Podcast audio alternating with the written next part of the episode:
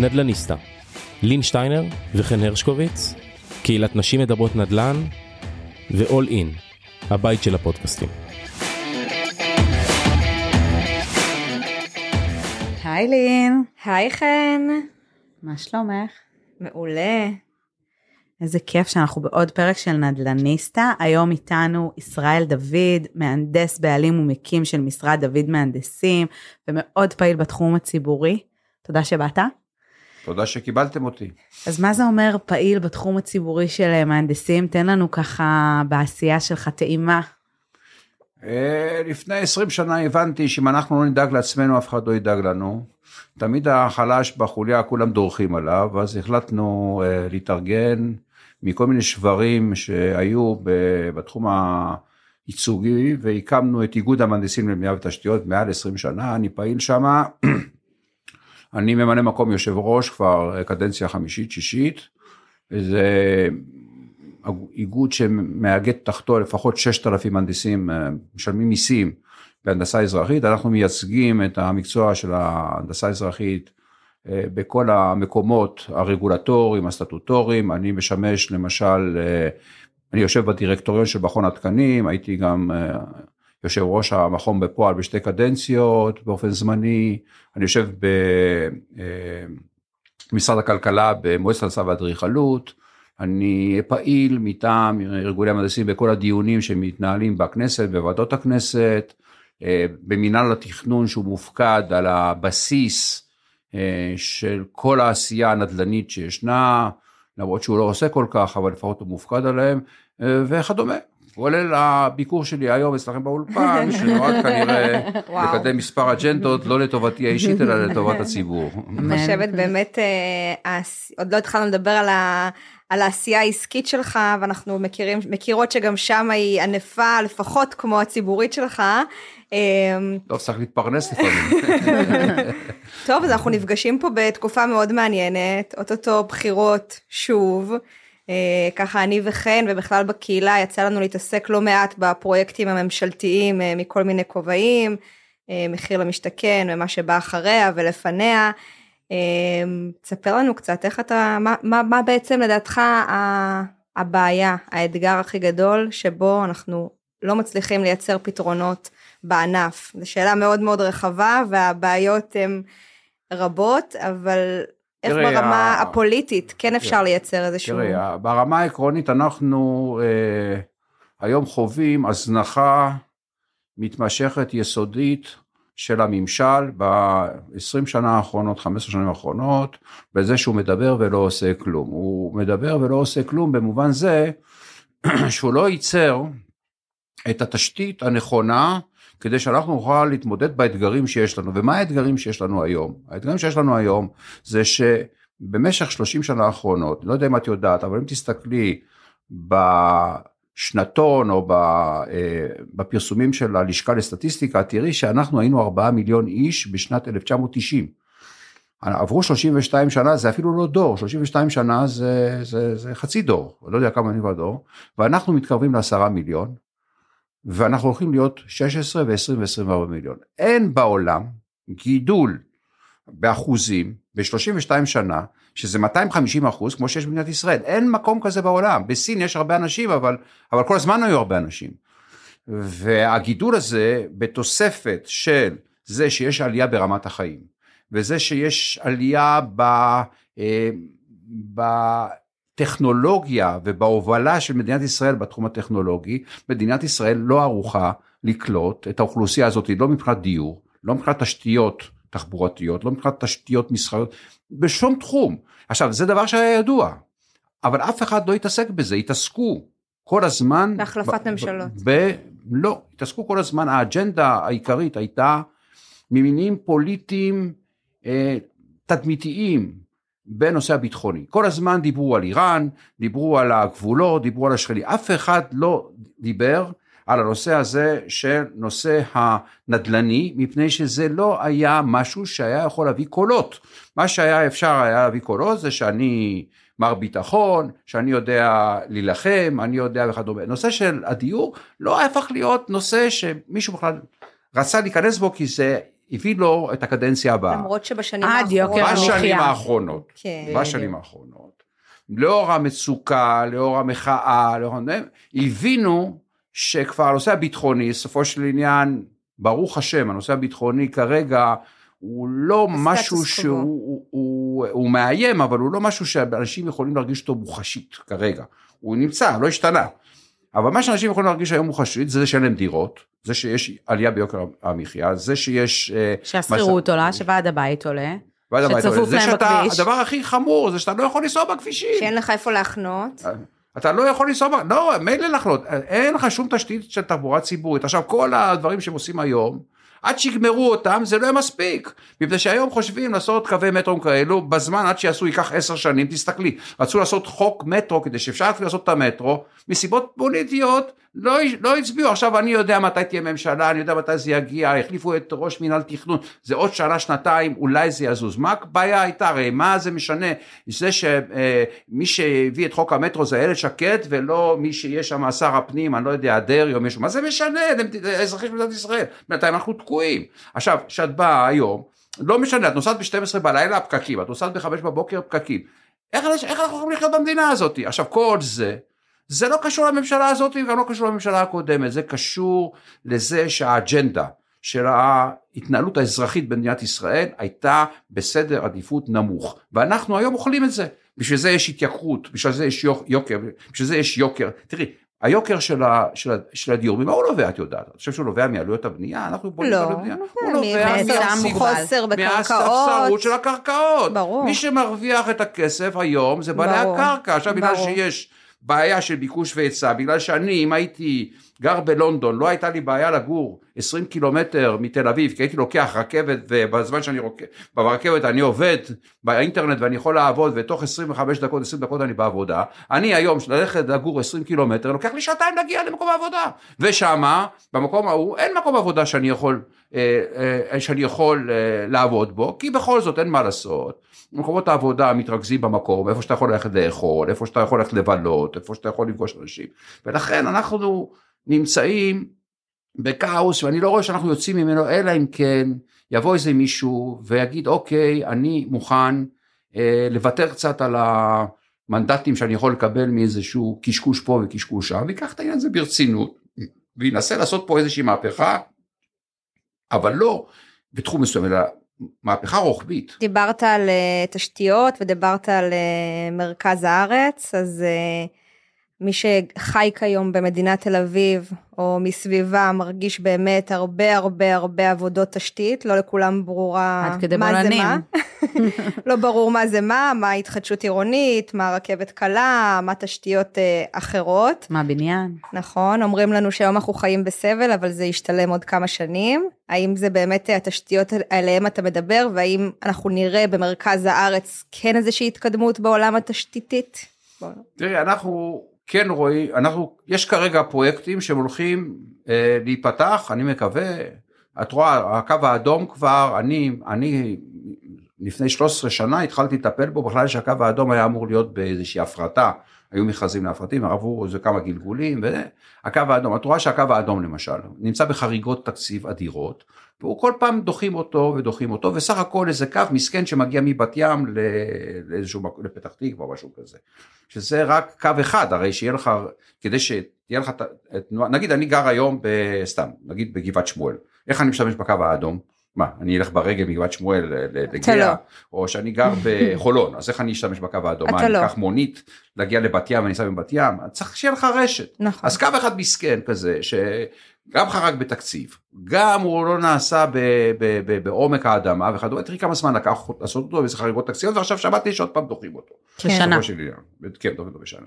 עכשיו, את צריכה 30 קווים כאלו, 20 קווים כאלו במדינת ישראל, כן? את צריכה גם בתוך המרכז וגם מהמרכז לפריפריה החוצה. נכון. אז עכשיו מתכננים עוד איזה קו אה, סגול איזה קו ירוק עילי שעדיין גם כן נמצא באיזה שהם בעיות סטטוטוריות אני לא יודע. נניח שאיכשהו אבל זה זה מאוחר מדי וזה מעט מדי מפני שאנחנו היום עשרה מיליון. עוד עשרים שנה נהיה 16 מיליון. והדרישה לתחבורה תהיה עוד יותר גדולה ועוד יותר גדולה. ואני לא רואה את המערכות הממשלתיות שהן זזות כל כך מהר. אני אתן לך דוגמה. עושים עכשיו נתיב מהיר בכביש 2, מתל אביב צפונה. צאי עכשיו אחרי הישיבה שלנו, בדרך, את תראי כל הכביש הפוך. כל הכביש הפוך כבר שנתיים. מסו... בצורה כולה- מסוכנת יש לציין כן, גם. כולה, יש שני טרקטורים שעובדים שם. כולה שני טרקטורים שעובדים שם, זאת אומרת גם כשאתה עושה את התשתיות האלו לא חושבים על האזרחים, אני למשל נוסע מכיוון קריית אונו לבר אילן, עשו נתיב אה, לתחבורה ציבורית, שנתיים הנתיב הזה היה סגור, היינו צריכים לנסוע, ובסוף, כן, כשהייתי נוסע לשם לא הייתי רואה שמישהו עובד בכלל, זאת אומרת הולכים סוגרים את הכבישים.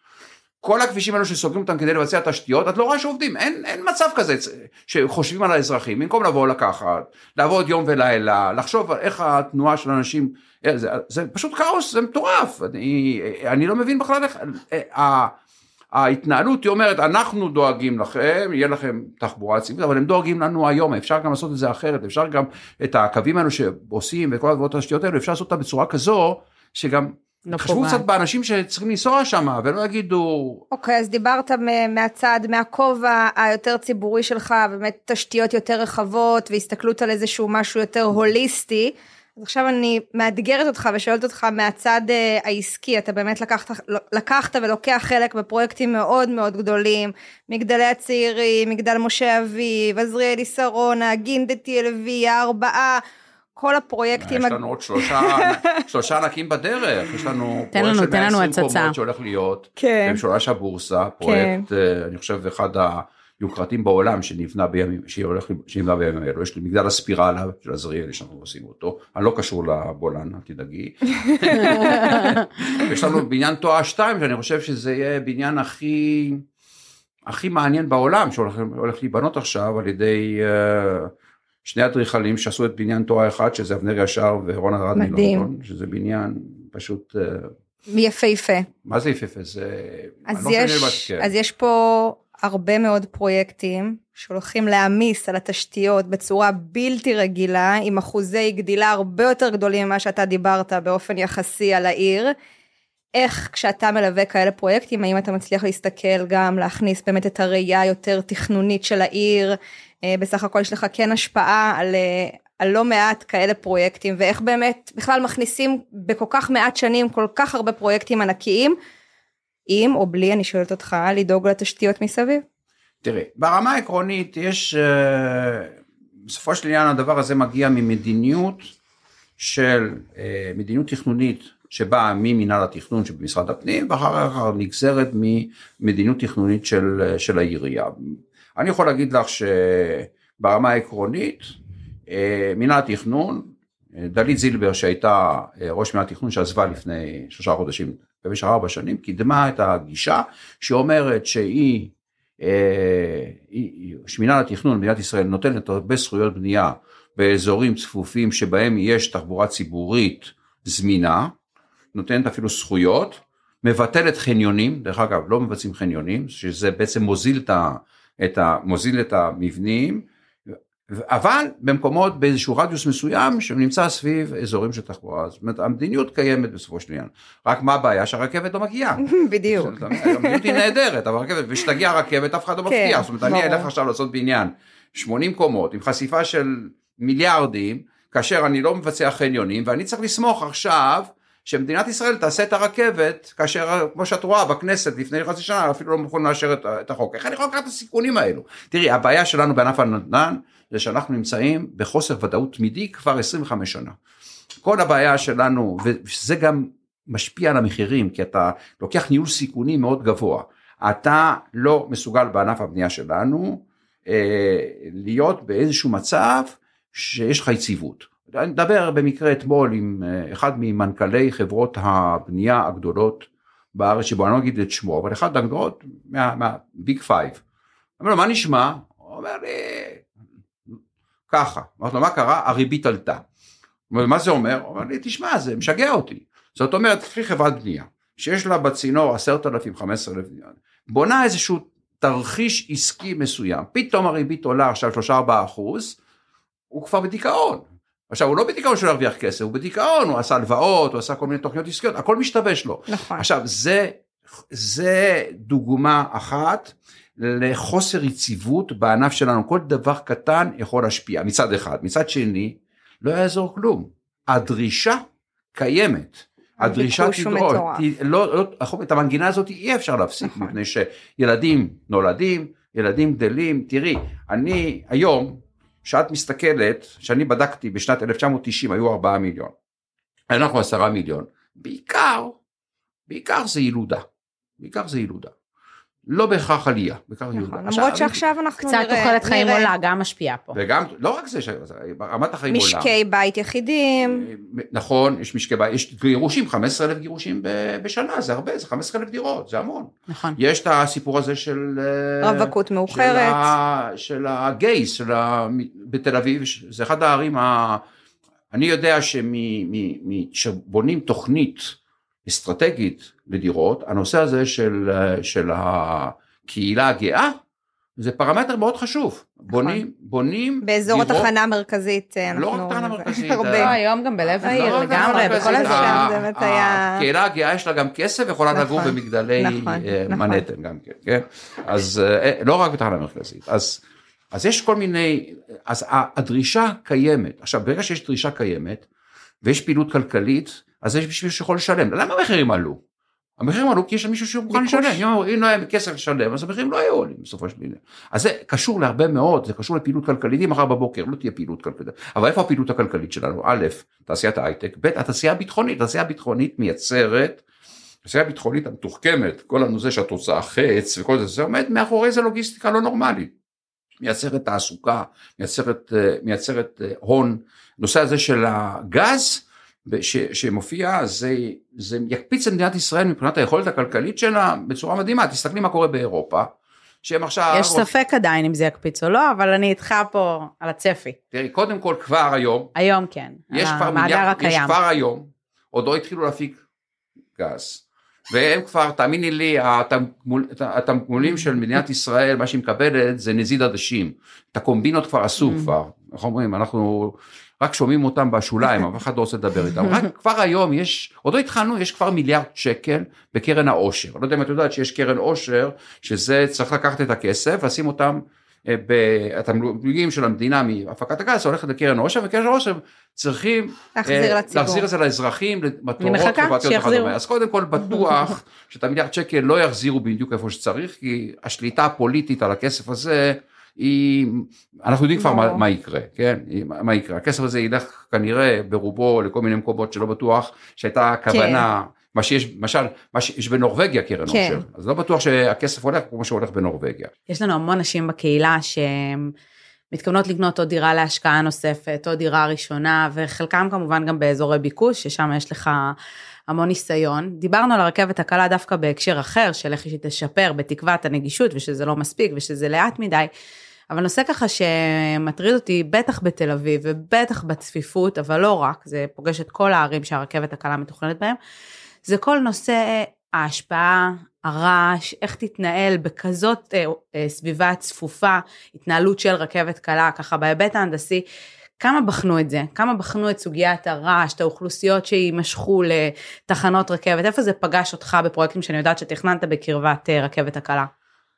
תראי, כשאת משווקת פרויקט, קודם כל את מוציאה מפה, מראה את הפרויקט בנקודה, ואת מראה את אמצעי התחבורה, אמצעי התחבורה, ואת מראה... על זה אין מחלוקת. כן, ולפי זה גם קובעים את שווי הקרקע. זאת אומרת, אתה לוקח פרויקט, בכל פרויקט אני רואה, מראים את, ה, את הירוק, מראים את האדום, מראים את, ה, את הכחול, ורואים כמה המרחק, ועושים חיצים פה 200 מטר, 300, 400 מטר. כמו שאתה אומר, זה על הנייר. זה על הנייר, מה- כן, מה זה, במציאות? זה אמצעי שיווק נאמבר 1, אפילו לא מראים איך נראה כמו הפרויקט, שאמרת אפילו לא מראים- מקודם, זאת הייתה מדיניות, אבל איפה בשטח? בשטח. בפועל זה לא קיים, אנחנו מקווים, מקווים, מקווים שאיזשהו קו אדום שבסופו של עניין אה, יגיע. תראי, יכול- גם החלופות של תחבורה ציבורית לא קיימות. יכול להיות שאם יבוא מישהו ויהיה לו, תסתכלי על, הביט, על הביטוי ביצים, ויגיד סוגרים את תל אביב, כמו שסוגרים את לונדון, את יודעת שבלונדון את לא יכולה לנסוע עם רכב אני פרטי. שמעתי את רון חולדאי אה, אמר את זה פעם ראשונה. אמר את זה לא כן, מזמן, אבל רק ודיבר על כנראה אחד שינוי... שמגיע אה, לגיל 70 ומשהו וכבר אין לו מה שינוי, להפסיד, אז הוא-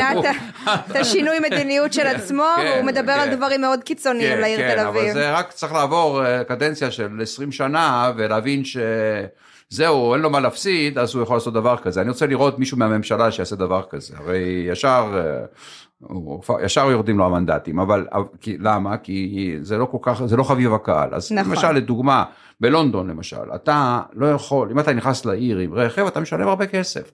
אם עכשיו יסגרו את, ה, את, ה, את האזור ויגידו, מי שנכנס לעיר נוסע רק בתחבורה ציבורית, אז זה יכול לפתור את הבעיה, אבל איפה הבעיה? אתן לך דוגמה. שאין לנו תחבורה ציבורית כמו אתן לך לונדון. דוגמה הכי פשוטה, בסדר? דוגמה הכי פשוטה, שאתה נמצא בחוץ לארץ במקומות כאלו, יש מה שנקרא Uber. נכון. Uber זה משהו מאוד מעניין, זה קודם כל אנשים שיכולים להתפרנס, פרנס. זה דבר אחד. דבר שני, יש פוטנציאל לתחבורה ציבורית הרבה יותר, אה, הרבה יותר אה, זה. עכשיו, כשאני נניח, אני נוסע לפולין, נוסע ללונדון, אני לוחץ אובר, לוקח לי פחות מ-30 שניות, יש לי מונית. פה, כשאני לוחץ בגט טקסי, אני יכול לחכות שעתיים עד שיהיה לי מונית, כי בשעה 4-5, אף אחד לא רוצה לנסוע מתל אביב, לנסוע לגבעת שמואל למשל. כן. לא כדאי לו, כי הוא יושב בפקקים, אז אני תקוע. עכשיו, מה, אני בא לתל אביב, אני עכשיו באתי למונית, אני צריך לצאת מפה החוצה לגבעת שמואל או, או לקריית אונו, נדיר שיהיה לי מונית, כן? אז בוא נגיד, אני עוד אברח פה, עדיין זה לא הפקקים. אז, אז הדבר הכי פשוט, למשל, לבוא ולהגיד, אוקיי, כמו שיש בכל מקום בעולם, תשימו Uber. נכון, Uber היה יכול לתת לאנשים להתפרנס, היה יכול להגדיל את ההיצע של תחבורה ציבורית, זה היה יכול להגדיל את הזמינות. עכשיו, למה אין Uber? את יודעת למה אין Uber?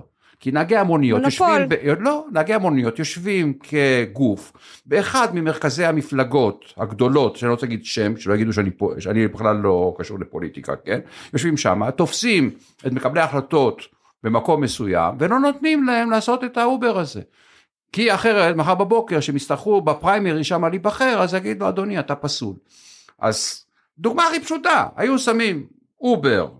עכשיו, יש Uber, ל, אה, יש Uber, אבל Uber light, מה שנקרא, לתיירים שמגיעים ויש להם אפליקציית Uber, אז אותן מוניות שעובדות ב Gett Taxi או ב... כן, כן, תופסות את לתת זה, גם Uber. כן. אבל למה לא לעשות את זה בכל מקום בעולם? אז תספר לנו, איך ייראה לגור ליד הרכבת הקלה?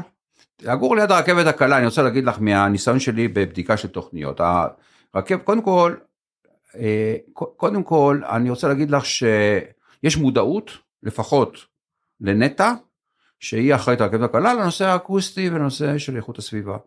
ונעשו תזכירים אה, של איכות סביבה, ו, ו, ואני יודע למשל שברחוב אבן גבירון מחליפים לבתים את הזכוכיות, כדי שאם הרכבת תעבור, אה, הם לא ישמעו על חשבונם, על חשבון נטע, מחליפים את הזכוכיות.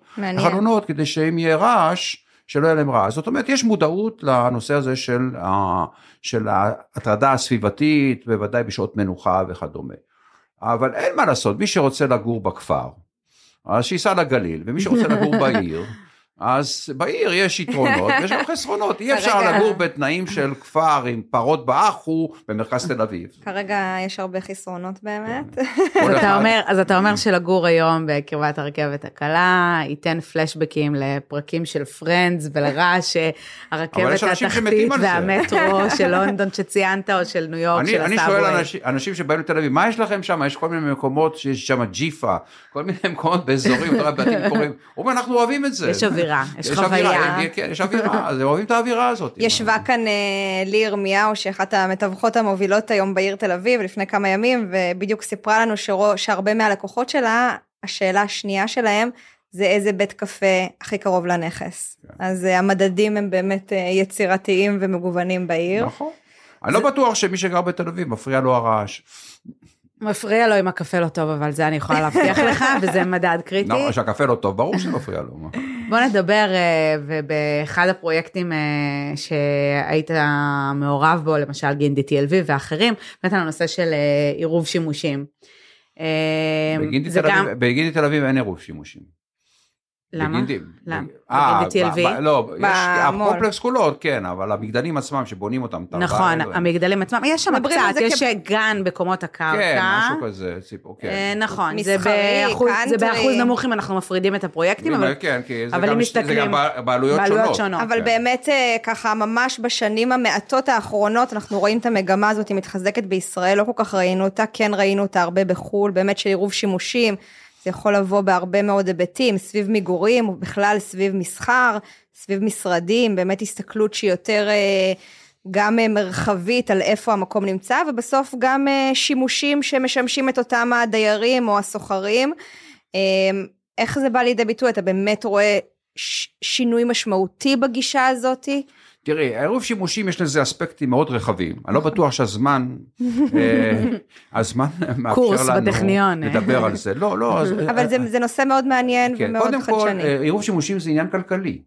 עניין של חשיפה כלכלית. כשאתה בונה בניין, יש לך 100 אלף מטר, זה יותר נכון לבנות אותו גם שיהיה מלון, וגם שיהיה משרדים, וגם שיש דירות, כי אתה לא, אתה לא תלוי אה, במצב בעוגן אחד. בעוגן אחד שישנו, וזה יותר נכון, כי אתה, כשאתה מתחיל לבנות בניין של 100 קומות, אתה לא יכול להפסיק אותו באמצע. כשאתה בונה שלושה בניינים של 30 קומות, שזה כמו בניין של 100 קומות, אתה יכול לבנות בניין אחד, תחכות לבניין השני, תלוי בשיווק. זאת אומרת, החשיפה הכלכלית שלך, שאתה מתחיל לבנות בניין אחד, מבחינת הסיכון, ניהול הסיכונים, אנחנו כל היום מנהלים סיכונים. נכון. גם, במצ, גם במצב האישי וגם במצב העסקי. נכון. כל החיים שלנו מנהלים סיכונים. אז בניהול הסיכונים... סיכונים ומשברים. מה? סיכונים ומשברים. זה העבודה שלי, מה אני עושה כל היום? מטפל במשברים. אף פעם לא נהנה מעבודה, אני כל הזמן מטפל בבעיות. אמרתי לאנשים שלי, חבר'ה תביאו לי משהו נחמד, תמיד אני צריך לטפל בבעיה, פה יש בעיה, הנה מהבוקר באתי לפה, כבר 80 בעיות היה. אז לרוב שימוש שימושים אה, נותן איזשהו, דבר שני, יש מדיניות. המדיניות התחילה דווקא ברמת גן. שראו למשל שביום הבורסה שוקקת ובלילה על הביטוי, כן, הבורסה פחות, שם, בדיוק. ואז החליטו שצריך לחיות את המקום מבחינה, זה עוד, אה, עוד לפני, לחיות את המקום, שזה לא יהיה מצ, מקום שרק בלילה עובד או רק בבוקר, אלא שיהיה לזה איזושהי תנועה, במיוחד לאור המחסור בקרקע. אני יכול להגיד לך היום, שאני, אה, יש לי עוד תפקיד שלא אמרתי אותו, אני הנציג של ה-CTBUH בארץ, CTBUH זה ה-Council of Tall Building and Urban Habitat, יושבת ב... הוא יושב בשיקגו, זה העמותה העולמית לבניית רבי קומות וסביבה אורבנית. דרך אגב, בחודש הבא יש שם כנס, אני נוסע לשיקגו, אני כל שנה נוסע, יש, מגיעים 50-60 ישראלים לשם, לנסוע לשיקגו זה לא פשוט, מגיע מהנדס, אה, ראש עיריית אה, רמת גן, ומגיעים הרבה, גם ירושלים וכדומה.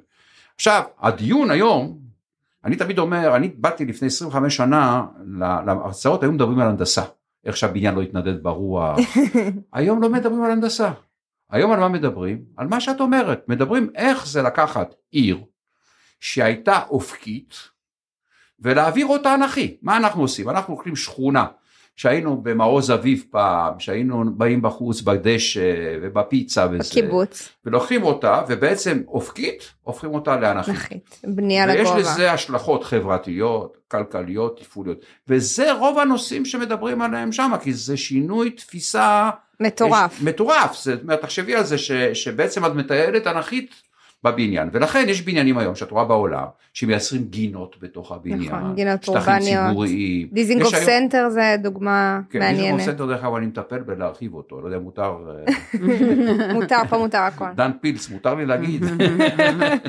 כן, אז אנחנו מרחיבים אותו, עושים דרך אגב משהו פרויקט קהילתי, אנחנו בונים על הגגות בנייה ירוקה, נכון, ששם יהיו אה, אה, אפשרות לגינות ולסדנאות לנושא של אה, אה, טיפול בירק בתוך מבנים קיימים. זה פרויקט חברתי. מכירות, פרויקט מדהים. כן, אז, אז מה, מה, מה שאני רוצה להגיד לך זה שהתפיסה של בנייה אנכית היא, היא תפיסה סוציולוגית. עכשיו, למה זה נובע? זה נובע מזה של מקום. בסופו של עניין וגם לא מזה שאי אפשר להגיע ממקום למקום. נכון. וגם שינוי, כן. וגם שינוי התנהגותי, איך שאנחנו חיים, איך שאנחנו צורכים את הנדל"ן, את ה... באמת. זה שינוי התנהגותי, כי תראי, היום ילדים למשל, שאת לוקחת את הדור הבא, הם רוב הזמן נמצאים במחשב. פעם, איפה הילדים היו? היו עומדים ברחוב, על הברזלים ליד הרחוב, והיו מקשקשים שם, והיו עושים, נכון. היו הולכים לגנוב צ'סק מהשכנים, כן? אז התרבות השתנתה בסופו של עניין. אז היום אומרים בבניין, אז זה דיונים שישנם. ואתה רואה למשל ברמת גן, למשל, וגם במקומות אחרים, שכבר עושים בתי ספר בתוך מגדלים, אנחנו מתכננים עכשיו באזור... כמו בגינדי TLV, ראינו את ה... אמנם את הגנים. אז עוד יותר, אנחנו לא, מתכננים לא, באזור... בתוך הבניין, כאן הוא מופרד. באזור עילית, אנחנו מתכננים בית ספר בתוך מבנה, כמטלה ציבורית, כן, הרי היום אה, גברת שקד עשתה תמ"א 38, אתה צריך לתת מטלות ציבוריות, למשל זה דוגמה, במקום ללכת עכשיו לקחת מגרש, וללכת ולקחת שטח, אתה עושה את הבית ספר בתוך הבניין, בית ספר בקומות, וזה משהו ש... כל מי שמסתכל על זה אומר זה יצליח. אז זה שינוי של דפוס התנהגותי, זה שינוי תרבותי, זה, זה שינוי גדול, זה לא משהו נקודתי. עוד שאלה ככה שמעניינת אותי, באמת יש כל כך הרבה דברים, אבל uh, יוצא לנו uh, לא מעט uh, להתעסק בתחום באמת של uh, שילוב בין uh, טכנולוגיה לנדל"ן, פרופטק. אנחנו גם מכירות שאחד מהפרויקטים uh, שאתה מוביל לעתידיים שם על דגלו באמת uh, להכניס את, uh, את תחום הפרופטק ובאמת לראות את זה, יש לנו כל כך הרבה סטארט-אפים, כל כך הרבה עשייה טכנולוגית לעומת השוק הנדל"ן וענף הנדל"ן בארץ שהוא מאוד מאוד מיושן, לוקח לה הרבה מאוד זמן להקטין את הפער. עד כמה אתה רואה בפרויקטים היום באמת כניסה של עולמות הפרופטק, אמנם זה משהו מאוד מאוד רחב, אבל עד כמה אתה רואה שיש איזושהי התקדמות ביישום? תראי, יש, נחלק את זה לכמה חלקים. יש את השלב הראשון, זה שלב הניהול והשליטה. בקרה, ניהול ושליטה, היום אנחנו לאט לאט מגיעים לטכנולוגיות שמאפשרות לנו בקרה ושליטה, ויש לנו את התשתית היום לדיגיטציה והכל הולך על זה, יש לנו היום טכנולוגיה שנקראת BIM, זה Building Integrated Modeling, שהיא חלום שאוטוקדסק התחיל אותו ולא גמר אותו מסיבות זה, אבל אנחנו משתמשים בפלטפורמה הזאת, זאת אומרת שהיום כל ההתנהלות שקשורה בתפעול של לקראת הבנייה, יהיה תהליך כמה שיותר מתקדם, טכנולוגי וכדומה. אני מדלג רגע על הבנייה ואני הולך רגע לשימוש. כן. בסוף, בשימוש, כן אנחנו רוצים שאנשים יהיה להם את האינטרנט, הטכנולוגיה, שילחץ על, ה, על האייפון שלו והאוטו שלו יעלה מהחנייה והוא יגיד אני בקומה 12 נוסע על זה ואז המעלית תבוא לו בדיוק והוא ידע בדיוק ועניינים וכל הטכנולוגיה וכדומה בהנחה שמערכת המחשבים לא תקרוס אי פעם אבל נניח בהנחה שזה בסדר. עכשיו יש את התחום האמצעי זה תחום הבנייה. תחום הבנייה לא יעזור כלום, נמצא אה, במצב שהוא בטכנולוגיה מיושנות. פרה-היסטורי. פרה, לא יודע אם פרה-היסטורי, טכנולוגיה מיושנות שהן תלויות המון המון בכוח אדם. התשתית לאוטומציה קיימת, עצם העובדה שאני היום בעבודות ההכנה נמצא במצב שאני יכול, יש לי database, שאני יכול מה database הזה לייצר כמו שמייצרים מכוניות בפס נע, בסך הכל אנחנו חיקינו את התהליכים של תעשיית המכוניות, מכונית יוצאת כל 20 שניות, ב, לא יודע אם היית פעם במפעל, כל 20 שניות יש מכונית. אנחנו גם צריכים בניין כל 20 שניות, אנחנו גם היינו שמחים לבניין כל 20 שניות. אבל מה ההבדל בין בניין למכונית? בבניין אין כסף, ובמכוניות יש הרבה כסף בסופו של דבר. עכשיו, גם חוסר ודאות, אז אנחנו יושבים היום ואומרים למה לא תהיה טכנולוגיה בבנייה, אז סתם אתן לך דוגמה, באה חברה אומרת אני רוצה להקים אה, מבנים מתועשים, מוכנים מראש, כדי שאני אוכל להכניס אותם בבניין, בתוך המבנה, תאים מודולריים, עשו מחקר במשרד השיכון, עלה מיליונים וכדומה. אבל כדי לעשות את זה אתה צריך לבנות תשתית, עכשיו בא היזם. להכשיר אנשים שיעשו. לא, בא היזם, צריך להקים מפעל לדבר כזה, זה עולה מאות מיליונים. אין לו הבטחה כן. שהדבר הזה יכול להימשך, את צריכה 20 שנה להרים כזה דבר. להחזיר. אין לו הבטחה, אין לו, אין לו יציבות כלכלית, שהוא מקים עכשיו שהוא משקיע את המפעל הזה, הוא יכול למשוך אותו 20 שנה באיכות, בצריכה וכדומה, הוא נמצא בחוסר ודאות מוחלט. היסטורית, כל מי שרצה להקים, אני לא יודע אם את יודעת, אבל טד הריסון, שזה האבא של שרי הריסון, הקים מפעל כזה בנגב מסיבות אידיאולוגיות. והיה בזמנו שלמה נחמה שהיה מנכ"ל בנק הפועלים, הוא היה מנהל המפעל הזה, היה מנהל העסקים שלו, הוא הביא אותו לבנק הפועלים. הקים מפעל, היה אחלה. אתה היית בא, כל המערכת האמבטיות, שזה 80 פעולות רצופות בתוך הבניין, אתה בא ומכניס את זה בפנים. אחרי שנתיים הוא סגר את המפעל. למה? כי לא היה תרבות, לא היה רציפות, לא היה חוסר ודאות, והוא שם כסף, שלח לטמיון, היה לו מספיק כנראה, לא קרה לו כלום. אז זה דוגמה לחוסר אפשרות לעניין טכנולוגי. למה? כי אנחנו שוק קטן מדי? אנחנו שוק מדי, האירועים פה משתנים. הממשלות מתחלפות. הצריכה והדרישות משתנות, ובסופו של עניין אין תמיכה אה, תרבותית ממשלתית בתהליך. כולם מדברים, אני הייתי באיזה פורום, כולם אומרים tech tech tech tech, אמרתי זה כמו שביבי אמר, נה נה נה נה נה נה נה, אומרים tech tech tech tech tech, אבל תכלס אין, אין, זה מאוד יפה, באים מצגות וכדומה, עושים זה, אבל אין, אין, אין, אין, איזה, אין איזה אפשרות של קיום, כי בסופו של עניין, ה, יש חוד, צריך, התשתי, צריך להציע בו תשתיות. אתן לך, לך דוגמה למשל, בצפון אמריקה, עבודות גימור של בניית גבס וכדומה נעשים על ידי רובוטים.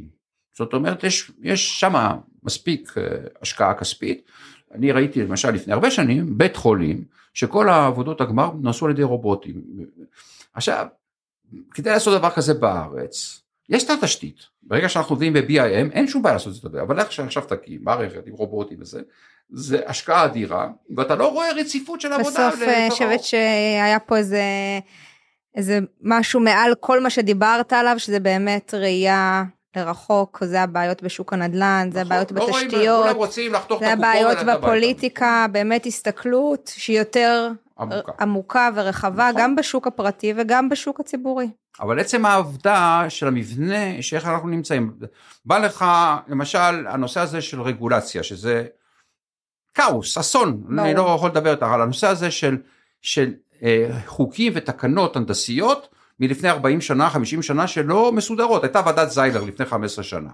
קבעה עקרונות איך לעשות, אה, אה, ועדת זיילר הייתה ועדה רצינית, כתבה שענף הנדל"ן הוא כמו מעגל שוטה. ככה הוא קבע. ונתנה הנחיות 15, לפני 15-16 שנה. החלטת ממשלה, מה הבעיה? מאמצים. מה עשו 16 שנה? כלום. כלום. טוב, אז אה, מילה אופטימית בנימה אה, אופטימית זו. לקראת סיום הפרק, שאינה רגולציה. אה, ככה צייד אותנו באיזושהי מחשבה חיובית, אני מדגישה, אה, לגבי לאן אה, ענף הנדל"ן אה, הולך. תראי, הבשורות הטובות שלי זה שאת המנגינה הזאת יהיה אפשר להפסיק.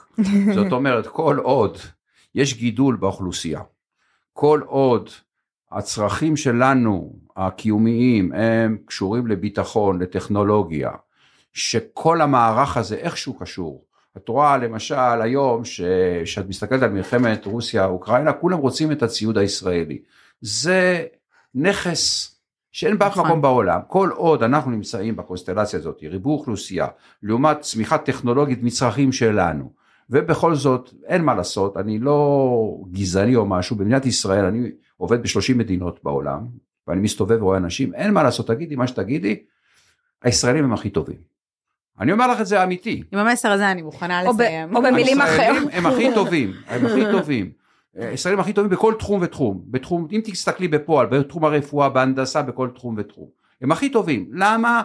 בגלל כושר ההישרדות שלהם, הרצון שלהם לשרוד. הרצון שלהם להראות שאנחנו עוד יותר טובים, שאנחנו נשרוד, שאנחנו נעבור את כל המכשולים. או במילים אחרות, יהיה בסדר. יהיה בסדר.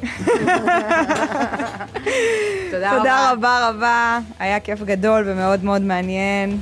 איכשהו יצאתי מפה אופטימית היום.